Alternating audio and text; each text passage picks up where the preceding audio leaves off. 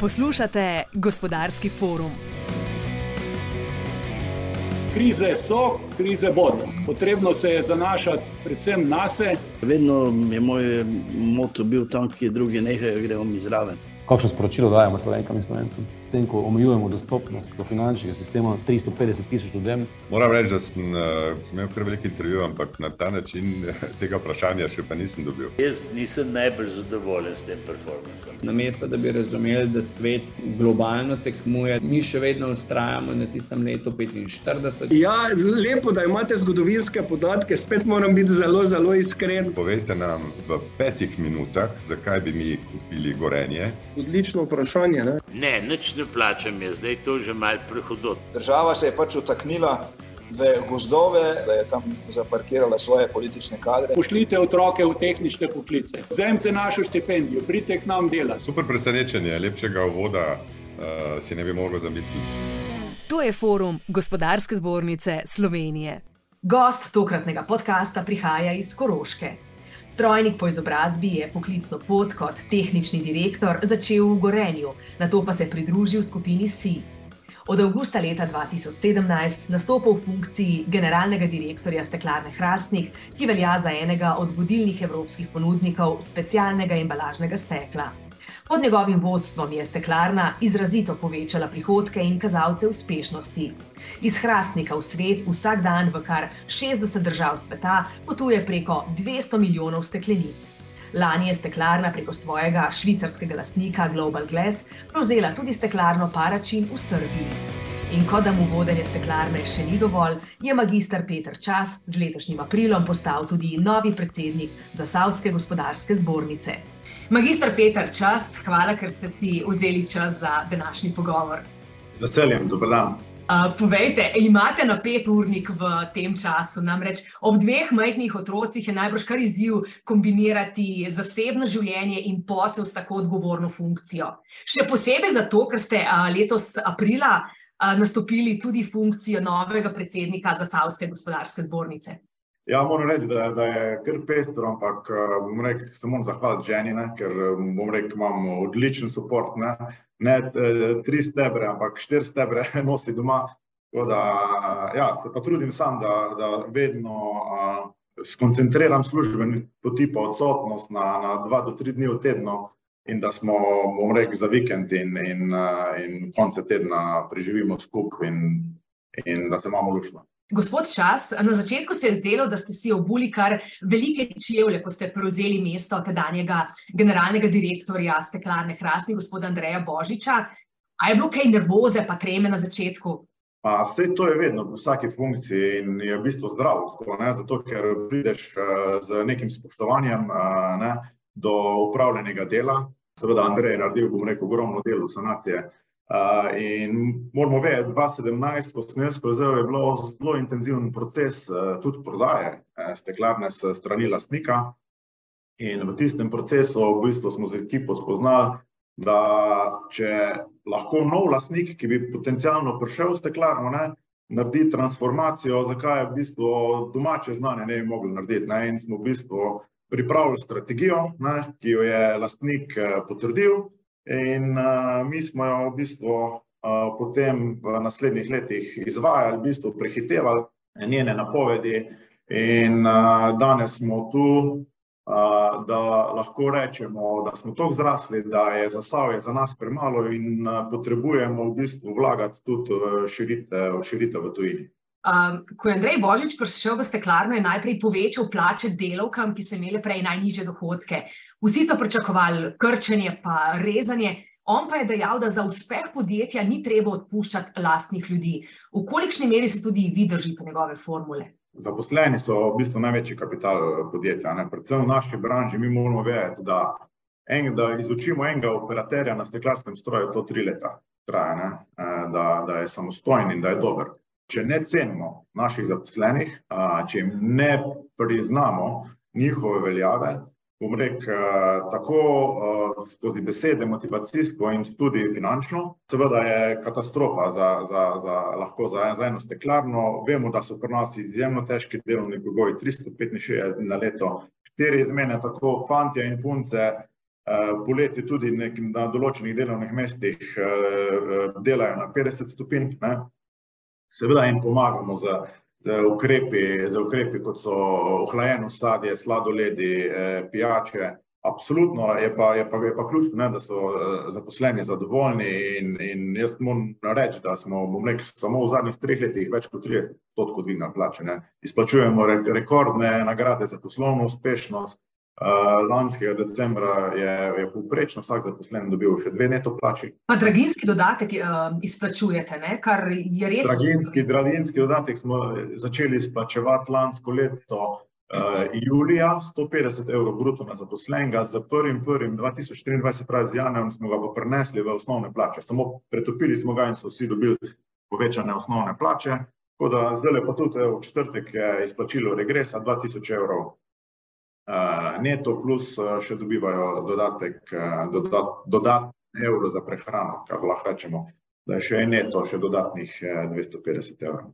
Ko ste že omenili zaposlene, um, kljub temu se tako kot ostala podjetja v Sloveniji soočate z velikim pomankanjem delovne sile. Ne? To je povezano z štirizmenskim delovnikom. Ne? Delno je povezano. Je pa, jaz bi rekel, da v Sloveniji, pa bom rekel, cele Evrope je bolj povezan z staranjem prebivalstva. Vsaj naslednjih 10-15 let jaz vidim rešitev. V, v, mi v steklani bomo šli v totalno avtomatizacijo, da, da bomo lahko zagotovili uh, normalne procese.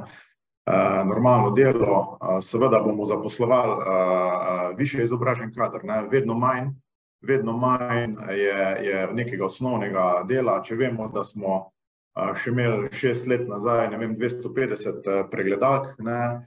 seveda pa zaposlujemo več inženirjev in pa, in pa više izobraženega kadra. Ko ste prišli v, v steklarno, ni bilo še nobenega robota. Danes jih imate če lahko rečem, zaposlenih deset robot, robotov. Katera delovna mesta so roboti nadomestili in kako so jih sprejeli delavci? Jaz bom rekel zelo lepo, pomagajo jim, ne olajšajo jim, roboti jim olajšajo delo, ne delajo tako v težkih pogojih. Delovca pošiljam na izobraževanje v tujino, zato da obvladajo te stroje, in pa seveda tudi svetovalce pripeljemo v steklarno, zato da, da usposabljajo naše zaposlene. Imamo mentorski sistem za vsa ključna delovna mesta v steklarni, zato da lahko uh, v bistvu po stopnjah, po stopnjah zaposleni poznanih napredujejo in s tem tudi izboljšujejo svoje, svoje, svoje prihodke. Vaše zaposlene sicer iščete tudi v Bosni in Srbiji, vendar se tudi ta bazen počasi uh, um, izčrpava. Zakaj Slovenija, kljub neki um, zgodovinsko boljšim predispozicijam od ostalih um, zahodnoevropskih držav, ni več tako zanimiva za, za poslovanje? V Sloveniji imamo zelo, zelo visoko obdavčitev plačne in, in uh, delodajalci, ki, ki izplačujemo, seveda naš strošek je, je bruto, uh, bruto, bruto uh, strošek plače zaposleni dobi, dobi manj in seveda so bolj privlačne države, kjer je nižja obdavčitev dela in zaposlen, zaposlen dobi, dobi več. Jaz bom povedal, naprimer, primer razlike med Slovenijo in Srbijo, ne, ker zdaj imam direkt primerjavo. Če rečemo za 5000 bruto plače za nekega inženirja ali pa vodstvenega delovca, je v Sloveniji izplačilo pod 2500 evrov, v Srbiji pa več kot 3500 evrov. Ne. Taka je razlika. Ne. In, in enostavno, enostavno, jaz bom rekel, više, više izobražen in bolj in kakovostnejši kader lažje dobimo v Srbiji kot v, v, v Sloveniji. Ne. Greste pa tudi dlje, Bolgarija, Romunija, boste posegali po delovcih tudi na bolj eksotična tržišča? Predvsem zdaj izkoriščamo Ukrajino, Rusijo, ne, ker tam je ogromno steklarn. Tudi en, en naš konkurent, uh, konkurent je imel steklarno blizu Kijeva, ki je bila tretji dan vojne zbombardirana. In uh, v bistvu imamo že kar nekaj zaposlenih iz te steklarne, ki iščejo zaposlitev, so visoko usposobljeni. In v bistvu prek teh zaposlenih, uh, bom rekel, dobivamo tudi, tudi uh, ostale se pa zanimajo Rusi, predvsem za delo v Srbiji, zato da lahko uh, grejo iz Rusije. Steklarna Hrastnik deluje, kot rečeno, v štirih izmenah. Dnevno proizvedete 285 ton stekla. Za koliko časa naprej imate zasedene linije? Lani so kupci tepli za, za kapacitete, ni bila važna cena, ni bilo važno nič. V steklenih rasnih si vedno pustimo določen del proizvodne rezerviran za nove projekte, za nove kupce. Ne? Zato, da smo lahko hitri v razvojnih projektih. Koliko ste na račun uh, specifične situacije, vojne v Evropi, uh, grozeče inflacije, draženja osnovnih energentov, dvigovali tudi vaše cene? Ja, mi smo lani, lani smo dvignili cene za več kot 30 odstotkov. Uh -huh. Kar je rekord, ne vem, normalno leto dvigujemo 2, 3, 5 uh, odstotkov največ. Ne?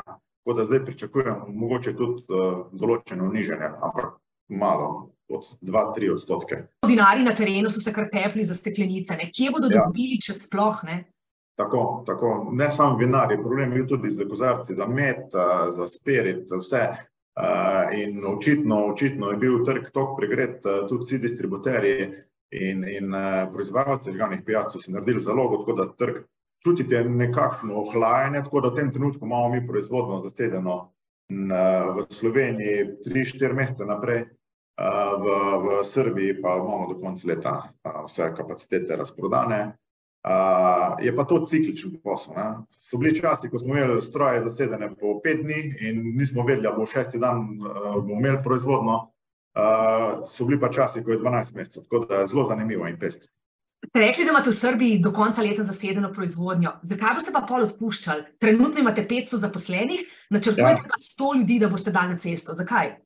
Mi smo, mi smo prevzeli srpsko fabriko stakla v stečaju, se pravi, brez obveznosti in brez zaposlenih. In ta fabrika je v bistvu životarla uh, zadnjih pet let, brez vlaganj, brez vzdrževanja, in peči so bile in so v rekel, zelo slabem, katastrofalnem stanju. Mi od novembra, ko smo prevzeli naprej, smo večjo peč od 230 ton ohranjali pri življenju, še bom rekel do konca marca, na kar je prišlo do take poškodbe, da enostavno proizvodnja ni več varna in ni mogoče na tej peči.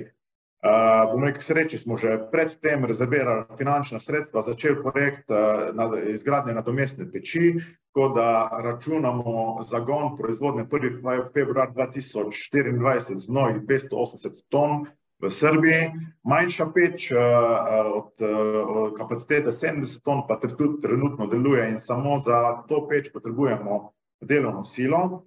Smo pa angažirali okrog 150 zaposlenih kar na remontu, se pravi na, na, na podelanju peči in, in pri izgradnji nove peči, to predvsem zdrževalce, strojnike, tako da bomo ohranili nekje 350 delovnih mest v, do, do konca februarja, zato pač moramo zmanjšati. Bom rekel, tudi bom rekel, zelo stara populacija, bila 70 je, je zaposlenih, ima pogoje za pokojitev, od ostalih se bomo poslovili, seveda preko agencije eh, eh, iščemo delovna mesta, ker ogromno delovne mesta je odprti, odprtih trenutno v Srbiji. In je, je, je podobno kot pri nas, ne tudi zaposluje, do, bom rekel, že, že Filipince, pa, pa Bangladeš, pa ne pa. Tako da jaz se ne bojim, da bom rekel tisti, ki želi delati, da bi ostal brez dela. Ja, bomo pa zmanjšali na 350, vendar z investicijami, ki jih planiramo v 2024 in 2025, bomo v končni fazi zaposlovali okrog 450 ljudi. Zanimivo, da tudi Srbi zaposlujejo Filipince, Bangladeš in tako naprej. Ja, cel, cel Balkan eh, je prazen, ni delovni sile. Sicer ste v Srbiji, ste usmerili se v proizvodnjo embalažnega stekla za prehrambeno industrijo in ne v nišne uh, produkte. Eno linijo imate samo za, rezervirano za kozarce za vlaganje kumarc. Ja, to smo mogli, to smo mogli oblju, obljubiti premijejki Srbije, ne, da bomo zagotovili, uh, rečejo, Srbi rečejo, tegle za krastavce.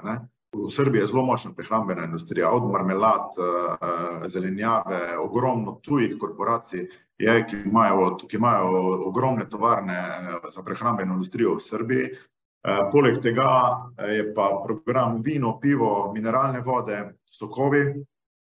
In to bo v bistvu glavni program srpske fabrike stakla. Seveda bomo dopolnjevali program, ki je rekel, nižji, ali pa nižje kakovosti v Hrastniku, ga bomo prenesli v, v, v Srbijo in tle sprostili dodatne kapacitete za nišne, za nišne proizvode. Trg jugovzhodne Evrope je lačen te, um, tega stekla za uh, industrijo. Ne? Tako, če pogledamo, Srbija ima 7 milijonov prebivalcev in uh, 99 odstotkov vsega stekla se uvozi. Se pravi, iz Bolgarije ali Hrvaške, iz Paračina radijo 400 km ni konkurence. Na srpskem tržišču imamo pa, bom rekel, Coca-Cola, Knjaz Miloš, Pepsi Cola, Molson Coors, Heineken, Carlsberg, ti so v bistvu imajo pivovarne in, in polnilnice vod, sokov in je ogromno tržišče, ki jih lasta postekli. A vam je bilo pri prevzemu lani lažje, ker ste bili iz Slovenije? Ja, ja absolutno. Uh, rekel, že moja izkušnja, jaz sem sam delal, rekel, v Gorenju tri leta v Srbiji, ne, v, v, kot tehnični direktor Gorenja Valjevo. Poznam malo mal mentaliteto, vem, kaj je treba narediti uh, uh, in, in kako zapreš prvo leto, dve, zato da dvignemo procese in pa, bom rekel, predvsem red in disciplino na pravi nivo. Uh, je pa absolutno jezik lahko ogromna barijera. Predvsem, uh, predvsem, če pride nekdo uh, iz Zahodne Evrope, bom rekel, Italijani, Nemci, Francozi, je lahko, bom rekel, velik problem uh, nerazumevanje, uh, pa trpi dveh različnih kultur. No, naše kulture so si kar podobne, čeprav nek se mi postavljamo bolj pod Zahodno Evropo, ampak vidimo, da kar, da smo kar fejs Balkanu. Ne? Sestanke seveda začnete z rakijo ali kako, ne? To se je nekdaj počelo, danes, danes ne več. Isto pravi Janeš Krabec za Rusijo, da je tu njega dni, da je mit, kar se vodke tiče tam in očitno mit, kar se rake tiče na Balkanu. Je pa res, da ste, da ste vsaka poslovna večera, poslovno kotilo se pa, se pa ponovadi začne z rakije. No, vsaj to. Zdaj se bom navezala na vaše ozadje. Delate za najboljše svetovne proizvajalce alkoholnih pijač, Hennessy, Bacardi, Jack Daniels, Pernod Ricard, Remi Contro, Remi Martin. Tu, tu posebne ponitve presežejo tudi več tisočakov za posamezen kos in vsak naročnik je zgodba zase. Kaj ponujate kot majhna steklarna vašim strankam, česar pri uh, velikih korporacijah ne morejo dobiti? A je to servis? Uh, servis, odnos, agilnost, ne, hitrost. Vi niste, vi niste že dolgo več samo tovarna, ki proizvaja steklenice. Že, že bom rekel, vrsto let uh, ponujamo kupcem uh, različne servise. Imamo lasten design studio, ne, se pravi, da lahko kupcem ponudimo uh, izdelek od uh, risbe naprej, razvojni oddelek, ki se ukvarja z optimizacijo produktov. Ne, zdaj boste rekli, kaj je to optimizacija na steklu, steklenica je steklenica. Ne. Uh, bom rekel, zelo pomembna je teža pri steklenicah zaradi transporta, zaradi ogličnega odtisa. Ne. In tle, bom rekel, zelo veliko delamo z, z, z brendi na lightweightingu ne, in ponujamo različne rešitve za njihove obstoječe produkte. Ko smo že za, za Martel naredili kar nekaj, kar nekaj različnih, različnih projektov in tudi za, tudi za ostale. Zelo se osredotočamo na, na hitrost v razvojnem postopku. Naš cilj je, da pohitrimo testne serije, vzorčne serije, zato bomo rekel, smo tudi zelo, zelo veliko vložili v lastno rodjarno, kjer lahko a, te predoblike, ki so zelo pomembne pri testiranju steklenic, popravimo še med tem, ko stroj oziroma ko je izdelek v stroju med testiranjem in tako v bistvu isti dan uspešno zaključimo testiranje brez tega oziroma predtem smo mogli pa te predoblikovalce peljati našim kooperantom in je spet po enem tednu vzorčenje nazaj proizvodno in je to je v bistvu zguba časa, zguba proizvodne, neto produktov in pa predvsem izguba, izguba dragocenega časa v razvojnem postopku. Ne? To, ker kupci bi radi imeli, bi radi imeli steklenico jutri, ne? mi jo pa zagotovimo v treh do štirih mesecih ne? iz proizvodne, konkurenca pa od šestih mesecih in naprej. Ne? Tako da tle se res trudimo, da, da kupec, ko pride v steklarno Frasnik, vidi, da, da je cela ekipa diha za njega. Kako pa vaše študijske ture izgledajo v Hennessy, naprimer, pa Jack Danielsu? uh, ja, zanimivo. Motiva sprašujem v duhu motivacije vaših zaposlenih, kako pa? Ja, pogledajte, mi imamo že zdaj, že tretje leto odprto pisarno v Konjaku, tam imamo tri zaposlene. Ne? Uh, lani smo odprli eh, naš sales office v Edinburghu, se pravi, škotsko zdaj pokrivamo, ne, razvijamo naprej. Uh, naše ture zgleda, to je tako, od kakovostnikov, razvojnikov, prodajnikov, marketingašov, marketingaši predvsem na sejme. Tudi sam, pa vsaj enkrat do dvakrat na leto ključne kupce obiščem osebno, skupaj z, z komercialnim direktorjem. Ne?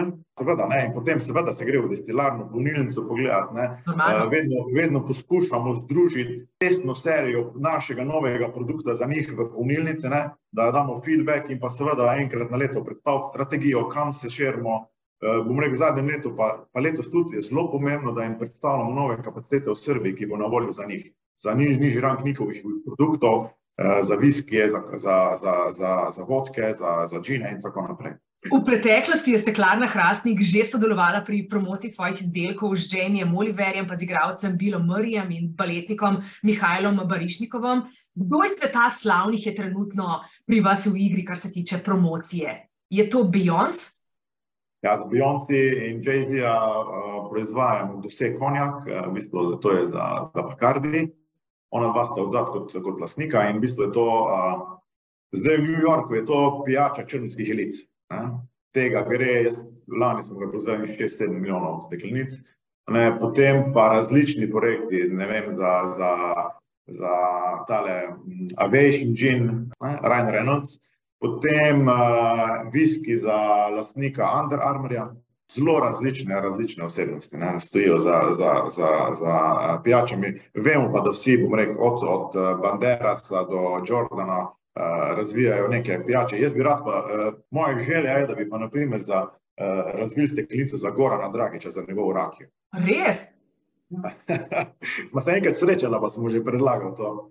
Bravo, bravo, podpiramo. Mogoče, mogoče realiziramo to. Um, očitno se je ta uh, vaša usmeritev v segment nišnega uh, stekla izkazala za dobro, spoh v luči teh razmer, ne? glede na to, da ste se leta 2019 popolnoma odrekli na miznemu uh, embalažnemu steklu. Tam vas je turška pa kitajska konkurenca prehitevala po levi in desni. Ja, enostavno tam moraš, biti, eh, moraš imeti take količine, moraš biti tako velik, da, zato, da si lahko, lahko uspešen. Ampak mi smo enostavno uh, 2017, ko smo analizo videli v embalažnem programu, je bila profitabilnost toliko večja in če smo hoteli to transformacijo uh, izvesti in tudi vložiti, smo vložili več kot 100 milijonov evrov v zadnjih, v zadnjih šestih letih, smo mogli generirati profitabilnost in dobiček, ki smo ga vsega vložili nazaj v steklarno, da smo danes, kjer smo. Računamo, da bomo prišli na 120 milijonov prihodkov, ne, da bomo naredili EBITDA 40 milijonov, dobička 30 milijonov, kar je, bom rekel, štirikrat več kot, kot leto 2017. Seveda,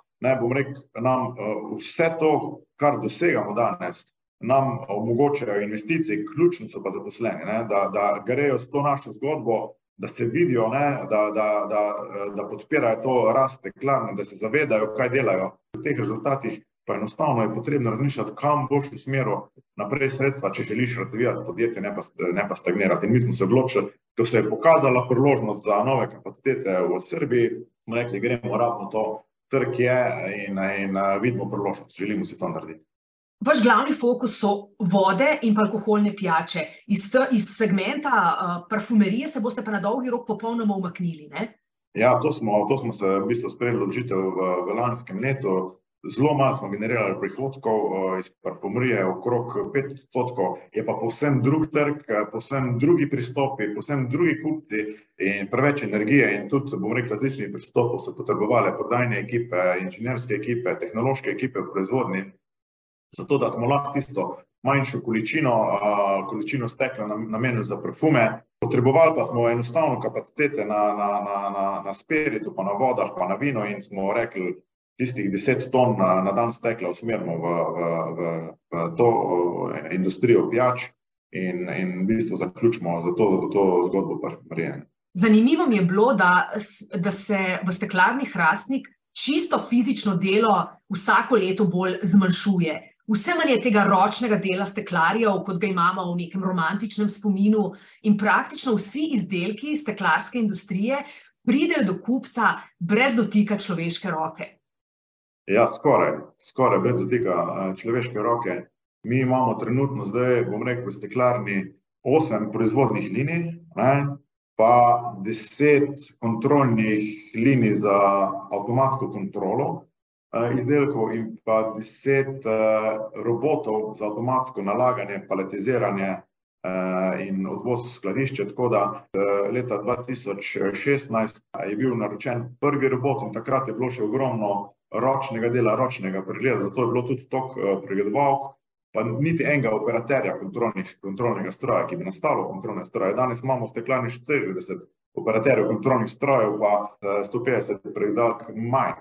In je pa res tudi netežaško delo, ena pregledalka, morate vedeti, je na izmeno preložila štiri tone stekla, ljudje so odhajali v, v pokoj zelo utrujeni in pa izgarani. To želimo preprečiti, zato tudi vsa ta vlaganja v, v avtomatizacijo in seveda bomo še naprej avtomatizirali.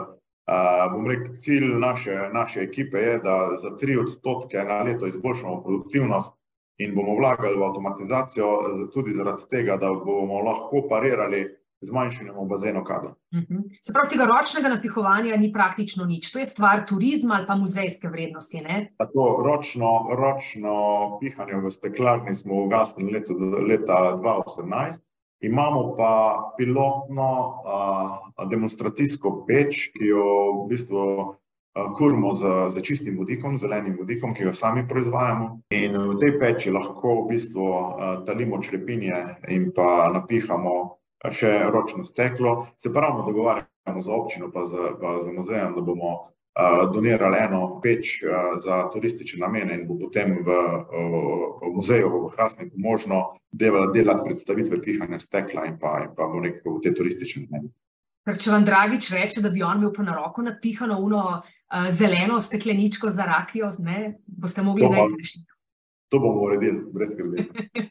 Povejte, prej ste omenili digitalizacijo. Eh, še ena stvar se je tudi izboljšala. Če prej uh, steklenička en teden stala v hrastniku, preden ste jo odpravili v svet, kako hitro pa sedaj iz hrastnika odpotuje, glede na digitalizacijo, pa avtomatizacijo in vse te uh, posodobitve? Mi nimamo zaloge, ampak iz tovarne gre čim prej do distributerja in on potem Eh, razporeja to zalogo eh, proti kupcu.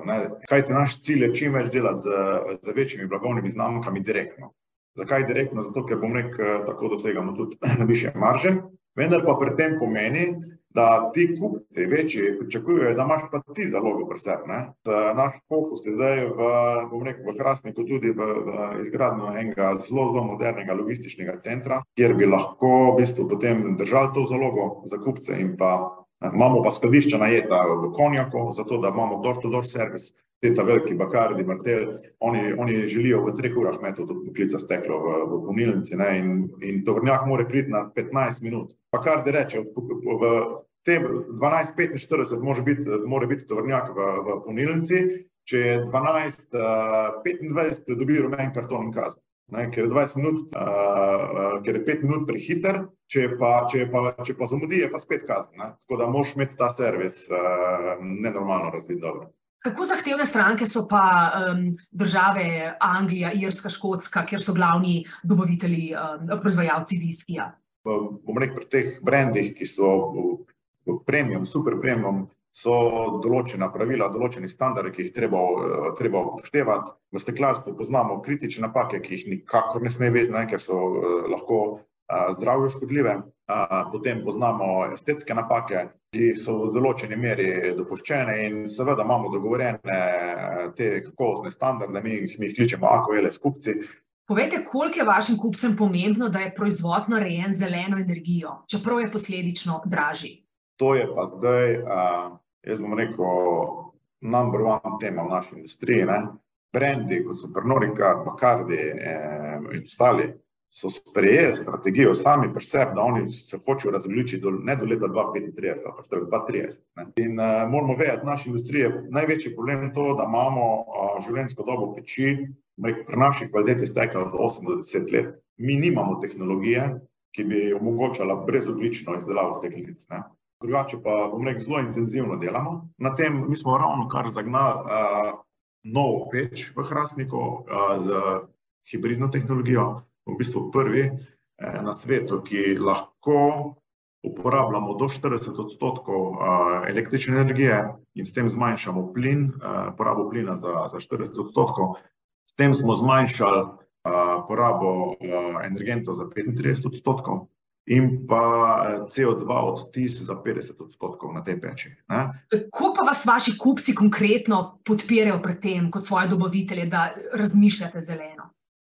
Kupci so pripravljeni, bom rekel, investirati v te tehnologije, so pripravljeni plačati in, in, in steklarno hrastnik tudi vidijo kot en testni pilotni poligon na, na industrijskem nivoju.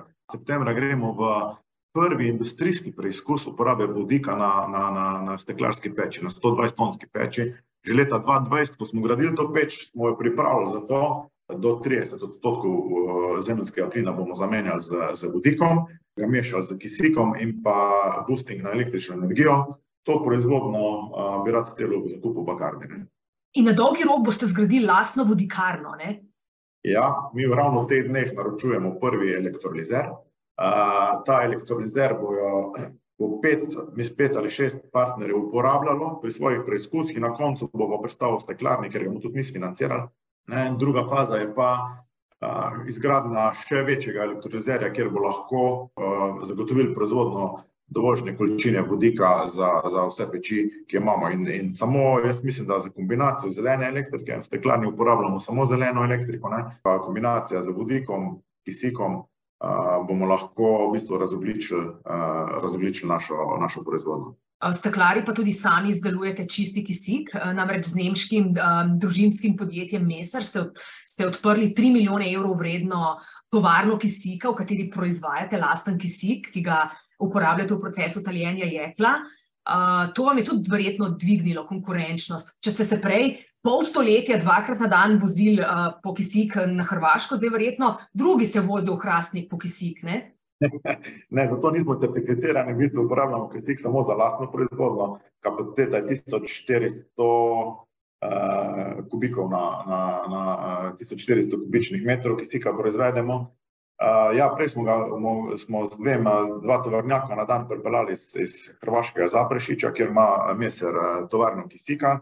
Danes pa to v bistvu sami proizvajamo uh, na lokaciji v Hrastniku, uh, imamo stabilno proizvodno uh, in uporabljamo vlastni kisik, pa seveda smo s tem zmanjšali spet okoljski odtis uh, zaradi transporta uh, brez, brez tovrnjaka. Lani septembra je steklarna Hrastnik strani GZS-ja na podelitvi inovacij prejela zlato priznanje za najboljšo inovacijo leta za izdelavo najbolj trajnostne steklenice na svetu in pri tem ste uporabili samo zeleni oglik, sončne celice in reciklirano steklo. A se na trgu že pojavlja kakšna sorodna steklena uh, embalaža, ki bi bila izdelana s, tako, s takšnim postopkom in tudi dosegla tako nizek oglični otis? Ne, mi smo bili prvi. Mi smo bili prvi uh, in ravno ta pilotni projekt, ne, ki je bil podprt strani države in, in strani Evropske unije in ta 200 kg peč, kjer lahko stalimo 200 kg stekla, nam je omogočilo, da smo to naredili. Ne. Seveda, moš idejo dobiti za to ne, in to v bistvu naši inovatori in marketing in zaposleni nek, zelo, zelo lepo uh, generirajo take ideje, uh, da smo uh, v bistvu kupili črepinje na trgu v bistvu, uh, in, jih, in jih samo črepinje stopili v, v te peči z, z vodikom, ki ga proizvajamo preko elektrolizerja, ki ga poganja zelena elektrika iz naše sončne elektrarne na strehi steklarne. Se pravi, povsem zeleno. Edini oglični odtis, eh, ki ga povzročimo, je pa transport do, do kupca. Ne? Ampak v prihodnosti, ko bomo imeli lastno vodikarno, bi lahko imeli pa kamione na vodik in uh, v bistvu še zagotovili transport do, do kupca. Ne? Tako da je pa bila to zelo omejena serija, naredili smo, ne vem, 100 steklenic, ročno pihane so, pa so pa tle brendi od zadaj, ko bi radi imeli, ne vem, 1000 steklenic, 2000 steklenic, pa so pripravljeni plačati enormno za to, da bi spromovirali si povsem zeleno steklenico. Ne? Je pa ta najbolj trajnostna steklenica, najbolj zelena steklenica na svetu dokaz, da je prehod v trajnost mogoče izvesti tudi v energetsko intenzivnih, tako potratnih dejavnostih, kot je vaša. Smo, smo v Evropski uniji, ki se je zavezala dekarbo, za dekarbonizacijo, in dejstvo je, da tudi energetsko intenzivna a, proizvodna a, bo morala slediti, oziroma že sledi. Te de, de, dekarbonizacije vemo, da se, da se na, na nekih izboljšavah v procesih bom rekel, v tej tradicionalni industriji, to so ali proizvodna jekla, stekla, cementa, ni inoviralo in smo, bom rekel, za, za neko zamudo skočili na, na, na ta vlak uh, in moramo to bolj pospešiti. Zdaj problem je, da moramo mi ugrajevati tehnologije v industrijski proces, ki še niso preizkušene ali pa so zelo malo preizkušene in v bistvu zaradi tega tudi prevzemamo nekatera tveganja. Ne. Mi, ko smo se odločili za hibridno peč v specialu, ki smo zdaj zagnali, nismo poznali, kako se bo ta tehnologija obnašala, kaj pomeni 40% električne energije pri taljenju, pa kaj 60% plina. Ne. A bomo lahko dobili toliko kvalitetno steklo in vedno je neko tveganje, visi, visi v zraku, a bo to ali ne, je pa dejstvo, je, da, se, da se moramo dekarbonizirati. Povejte, kako daleč ste z investicijo uh, in spostavitvijo pametne tovarne? Gre za naložbo vredno uh, 130 milijonov evrov, ki predstavlja eno večjih investicij podjetij zadnjih let v Sloveniji. Jaz bom rekel, ta, ta investicija pametna tovarna je, je v teku že od leta 2017 naprej. Mislim, vse roboti, kontrolni stroji, eh, kontrolni stroji, digitalizacija, vse to je pametna tovarna. Mi bomo v letošnjem letu uvajamo tri zelo ključne IT sisteme. Uvajamo trenutno zdaj v proizvodno mest sistem, ki nam bo uh, pomagal nadzirati komplet proizvodno, uh, kazal, kje, kje izgubljamo, kje se lahko izboljšamo. Uvajamo planiranje za umetno inteligenco, sedapta, pa bom rekel dodatno, kar se tiče na izobraževanju zaposlenih, pa skozi projekt pametne tovarne ali pa digitalizacije uvajamo učenje, učenje zaposlenih z um, virtualno resničnostjo, VR. Ne. Pravi, ja, ne bojo se več učili v nevarnih pogojih na stroju, ne, začetniki, ampak se bojo učili z VR očali in eh, na čist v virtualnem varnem prostoru trenirali nastavitve strojev in izdelavo steklenic. To je nova resničnost tudi za ostala podjetja, ne? Ja, seveda, seveda. Povejte, um, kako stresna in naporna pa vam je bila stavka, ki se je v steklarni zgodila lani? Ja, stavka, jaz bi rekel, ne bi rekel, da je bila stavka, to je bil bolj puč. Ne? Puč, uh, bom rekel, ki je prinesel uh, veliko dobrega steklarne. Ne? Veliko dobrega? Ja, bom kar povedal, zakaj ne. Tam se, pač, se je oblikovala ena skupina, ki si ni želela sprememb v tempo, ki jih eh, vodimo v zadnjih letih. V tej skupini Pa bom kar čist uh, odkrit, je bilo uh, kar nekaj psihičnega, tudi fizičnega nasilja, pritiskov, nepotizma. In uh, v bistvu, ko smo se lotili to razbijati, so, bom rekel, poskušali določeni srednji vodje v proizvodni, middle management, organizirati večje število ljudi, da da odpoved. Zorganizirali so jih 47 ne, od 600 zaposlenih. Seveda, jaz sem to vedel že dva meseca prej, kaj se bo zgodilo. Ne. Tudi z, bom rekel, z lastnikom smo lahko vsem usklajena in smo, smo pričakovali, kaj se bo naredil. Kako ste pa to vedeli že tako prej? Če si dost po, po, po proizvodni, pa če imaš dobre odnose z zaposlenimi, tisti, ki te verjamejo, ti kaj prišepnejo na ufo. Začeli so, bom rekel, zaposleni nositi odpovedi, ne? mi smo jih pač sprejemali, odpovedi. Ne? Po prvih 15-20 je že tako bilo, ne, da ja, jaz sem prinesel odpoved, ampak eh, pridem popoldne iskat nazaj, pa ne povedati, pa ne me zatožiti, zato da mi ne bojo kaj ne, škodovali. Tako da je bilo zelo pestro, ampak moj, moje, moje priznanje, pa največje zadovoljstvo je bilo to, ker sem šel popoldansko izmeno proizvodnje in, in, in so mi ljudje zaploskali. Da smo to ščistili in, in, in, in, in v bistvu In mi nikoli ne bi naredili tega koraka naprej v, v, v Srbijo, z, če bi imeli te zaposlene note. In, in super, uh, bomo rekli, vzdušje je, je top, uh, steklarna se razvija v pravo smer in včasih je treba narediti kakšno katarzo in ta katarza je bila potrebna za naslednje korake. Kako po tej stavki drugače razumete delavce kot menedžer? Ne bi rekel, da, da jih drugače razumem. Jaz bom rekel, uh, od nekdaj jih zelo cenim. Ne? Ker v bistvu jaz ne morem biti uspešen menedžer brez, brez bom rekel, slehernika, ki, ki, ki nam pomaga na tej, na tej skupni poti. Je pa ena izkušnja, da je, da je treba biti uh, večkrat na preži, pa preverjati uh, obstoječe stiske posameznikov, uh, pa jim pomagati. Na tapeti ste bili tudi, kar se tiče minimalnih plač. Um, koliko zaposlenih pri vas ima trenutno še minimalno plačo? Trenutno nima doben eh, minimalne plače v steklarni. Ne? Mi smo v lanskem letu dvignili plače za 11 odstotkov, leto še dodatnih 9 odstotkov, 150 evrov smo do drajinskega dodatka smo prinesli. Osnovno plačo je pa najnižja osnovno bruto plača v pogodbi v steklarni 1150 evrov. Se pravi, minimalna plača je 1200, mislim, da 3, ampak z dodatki za stimulacijo mesečno, ki je od 10 do 15 odstotkov, pridejo vsi krepko, krepko čez, čez minimalno plačo. Je pa poprečni strošek dela danes v steklani 3300 evrov na zaposlenega. A je Srbija že zrelo tržišče za proizvajanje tako imenovanih trajnostnih steklenic, zelenih steklenic? Ne, ni še zrelo, oni v, to, to, v, v, v povojih, ne, ampak se pa ogromno investira v vetrne parke, v, v fotovoltaične parke. Ampak sam potrošnik v Srbiji še nima tega zavedanja, kar se tiče eh, trajnosti. Ne smo že malo bolj proti koncu. Uh, še eno stvar moramo omeniti. Uh, povezali ste se z Združenjem vrhunskih slovenskih gostincev JRE in skupaj z njimi razvili kreativno steklenico za ozaveščanje o pomenu čiste vode v restauracijah z visoko kulinariko. In ta steklenica je prijela prestižno nagrado, oblikovalsko nagrado Red Dot.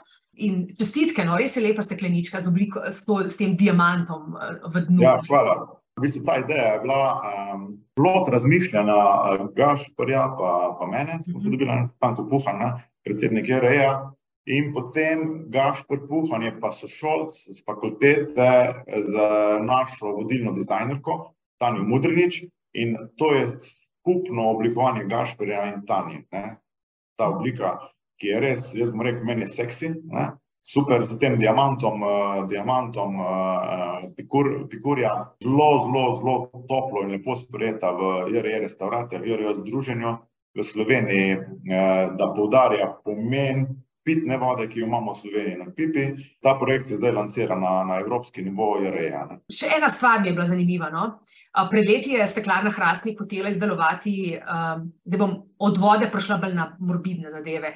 Um, je steklarna Hrastnik hotela izdelovati tudi žare za brazilski trg, pa se to ni šlo. Ne? Takrat je bilo v igri okoli 4000 kosov. A imate še kakšne apetite, da bi se nekoč v prihodnosti vključili tudi v pogrebno industrijo? Ne nikakor. To je bil projekt, ki je bil razvijal se za brazilski trg. To še bilo takrat, ko je bila ročno, ročno pihana proizvodnja, to so bili ročno pihani izdelki. To je bilo še v času gospoda Božiča, ne vem, koliko se je tega prodal. V Braziliji je še pa ostal, potem, ko smo, ko smo v bistvu zaključovali, da smo kar nekaj bolnih težav še odpisali. Je bilo pa tudi težnja po predoru na trge Kalifornije pa Japonske, kjer se ne bi širili na, na področju pokopov hišnih ljubljenčkov. Tudi le ste opustili upanje. Ja, ja, seveda. Mi smo zdaj, bomo rekli, čist, čist fokusirani v spirit industrijo, voda industrijo, vino industrijo. In boljše je imeti ožek, ozek fokus, pa se fokusirati tam, ne, kot pa preveč razpršeno. Smo le svetovno gledano mala steklarna. Razumem, razumem. Še vprašanje naših poslušalcev. Z nami je tudi Goran Petek, predsednik upravnega odbora regionalne zbornice Postojna in prokurist v družbi Izoterm Plama. Goran, izvolite k vprašanju za našega gosta. Hvala, Marjana, vedno me izzoveš.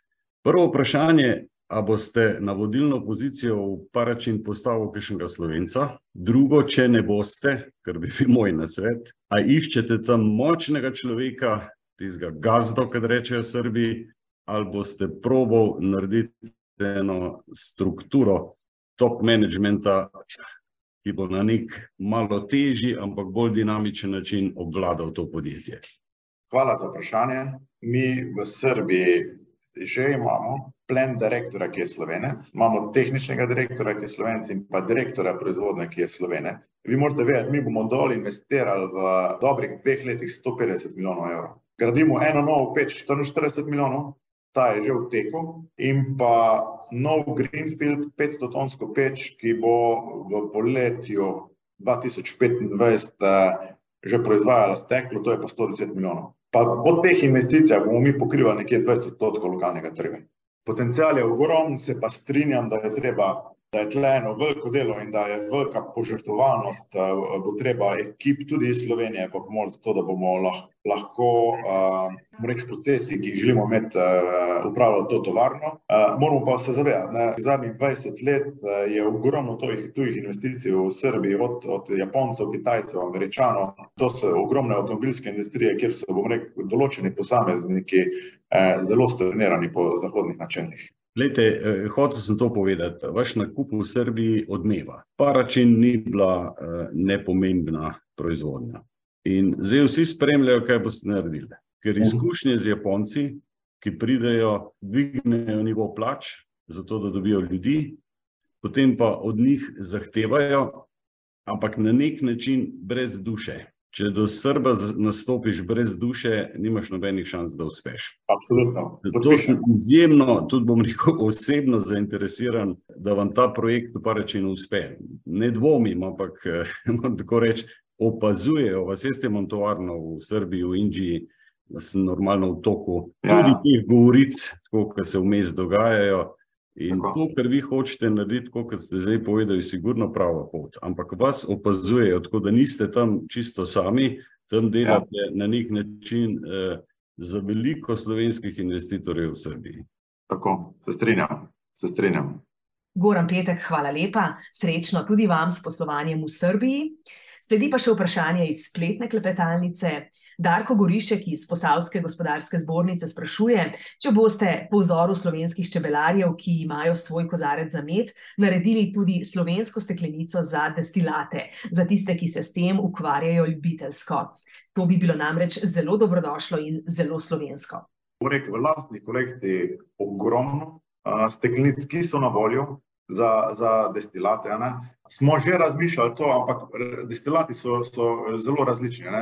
Rekel, en, en brinjevec potrebuje drugačno embalažo kot borovničke. Tako da zdaj vse to uskladiti v, v, v eno steklenico je težko, zato imamo nekaj različnih modelov, da lahko, ki so namenjeni različnim destilatom. Uh -huh. Jaz bi si pa želela, kot dolenka, s podobno seksi steklenico za naš cviček. Ne? Ja, to, pa, to pa imamo na voljo kar nekaj teh steklenic, uh, ker tudi vedno bolj rastemo zanimivo v roze vino za francoski trg. Z nami pa je tudi Tjaša Polc, direktorica Zasavske gospodarske zbornice. Tjaša, dobrodošli. Povejte, kako ocenjujete pomen steklarne hrastnik v regiji? Ste zadovoljni s poslovanjem? Absolutno. Vse mislim, da kar smo zadnji uri slišali, mi se mu zastavljamo na nek način že poznamo in zelo cenimo in zelo spoštujemo. Uh, dejansko tudi vodstvo steklarne hrastnike in vse zaposlene. Jaz mislim, da s to strategijo, ki ste jo obrali, uh, gospod predsednik, že pred nekaj leti, ko ste prišli za Savo, jaz mislim, da je to prava pot. Tako da hvala, bom rekla, v imenu celotne regije v resnici. A ste sprejeli uh, magistra časa za kamerata? No, ja, nekaj let bo še, po mojem, mogel preteči. je pa na dobri poti, ne? Tako, tako. Super. Tjaša, hvala lepa. Peter, prihajate z Koroške, ne? A je Koroška ja. malo podobna tudi za Savjo? Ja, seveda, to sem že rekel na začetku, ko sem prišel v Hrastnik, ko sem rekel, kako ocenjuješ za Savce, ne? Nekaj enako kot Korošci, ne? To so rekel, težka industrija, ne? Težko delo, ne, rudniki, eh, eh, steklarstvo, eh, energetsko intenzivna eh, proizvodna in pa vsi odrezani stran. Ne. Vsi so stran odrezani, samorastniki, ki se treba boriti v tem lokalnem okolju ne, in preprečevati eh, oblast v Ljubljani, da tam nekje je nekdo, eh, ki plačuje davke in ustvarja dodano vrednost. Ja, res je. So vas delavci vzeli za kamerata?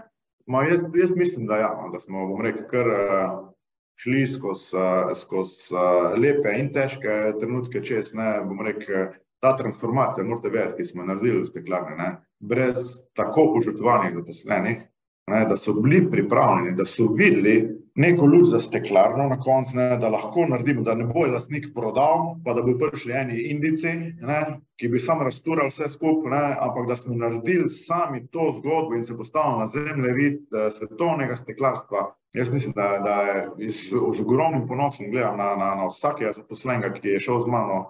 Postojim pa na, sam, na samo steklarno. Povejte, menite, da ste presegli miselnost, da je steklarna hrastnik uspešnosti na vkljub socialni projektu za Savjo? Steklarna ni več socialni projekt, ne? ampak bo nekaj, kar je ena, ena zgodba o uspehu, ne? ki je prišel do, do, do te mere, da, da bom rekel, ne samo Srbija, tudi jaz verjamem, da, da v roku 3, 4, 5 let bomo še kak prezen, ki je naredil tujini pa rasel. Zato, ker si upam, ker vidimo to, uh, da, da so na trgih priložnosti uh, in uh, v bistvu, ker je ekipa z mano, ne? ki si želi tega. Ne? Eh, Naj kmalo slišimo o vašem novem poslu z Dončičem oziroma Dragičem. No? Ja, se bomo potrudili. Lahko Dončiče opletete v igro. ja, za Dončiča smo pa nek parfumček razvijali. Uh, povejte, kaj sploh vaš prosti čas, s čim se ukvarjate v prostem času? Dva majhna otroka, številne funkcije, odgovorne in zahtevne, kakšne rumene podrobnosti iz vašega življenja? Pri meni podrobnosti zelo rad kolesarim, ne? pa jaz sem imel operacijo, sem imel herni disk, dve leti pa pol nazaj in takrat intenzivno, bom rekel, treniram z lastno težo, kar se mi tudi pozna, da sem mogel celo garderobo zamenjati, ne. Se trudim v prostem času, bom rekel, kaj potrenirati, no, vsaj pet, šest ur športa na teden, sem z, z, z družino pa prijatelji, ne. Magister Peter Čas, hvala, ker ste si vzeli čas, da ste to uro preživeli v naši družbi. Uh, uspešno, pogumno in srečno tudi naprej. Velja, hvala vam, uspešno.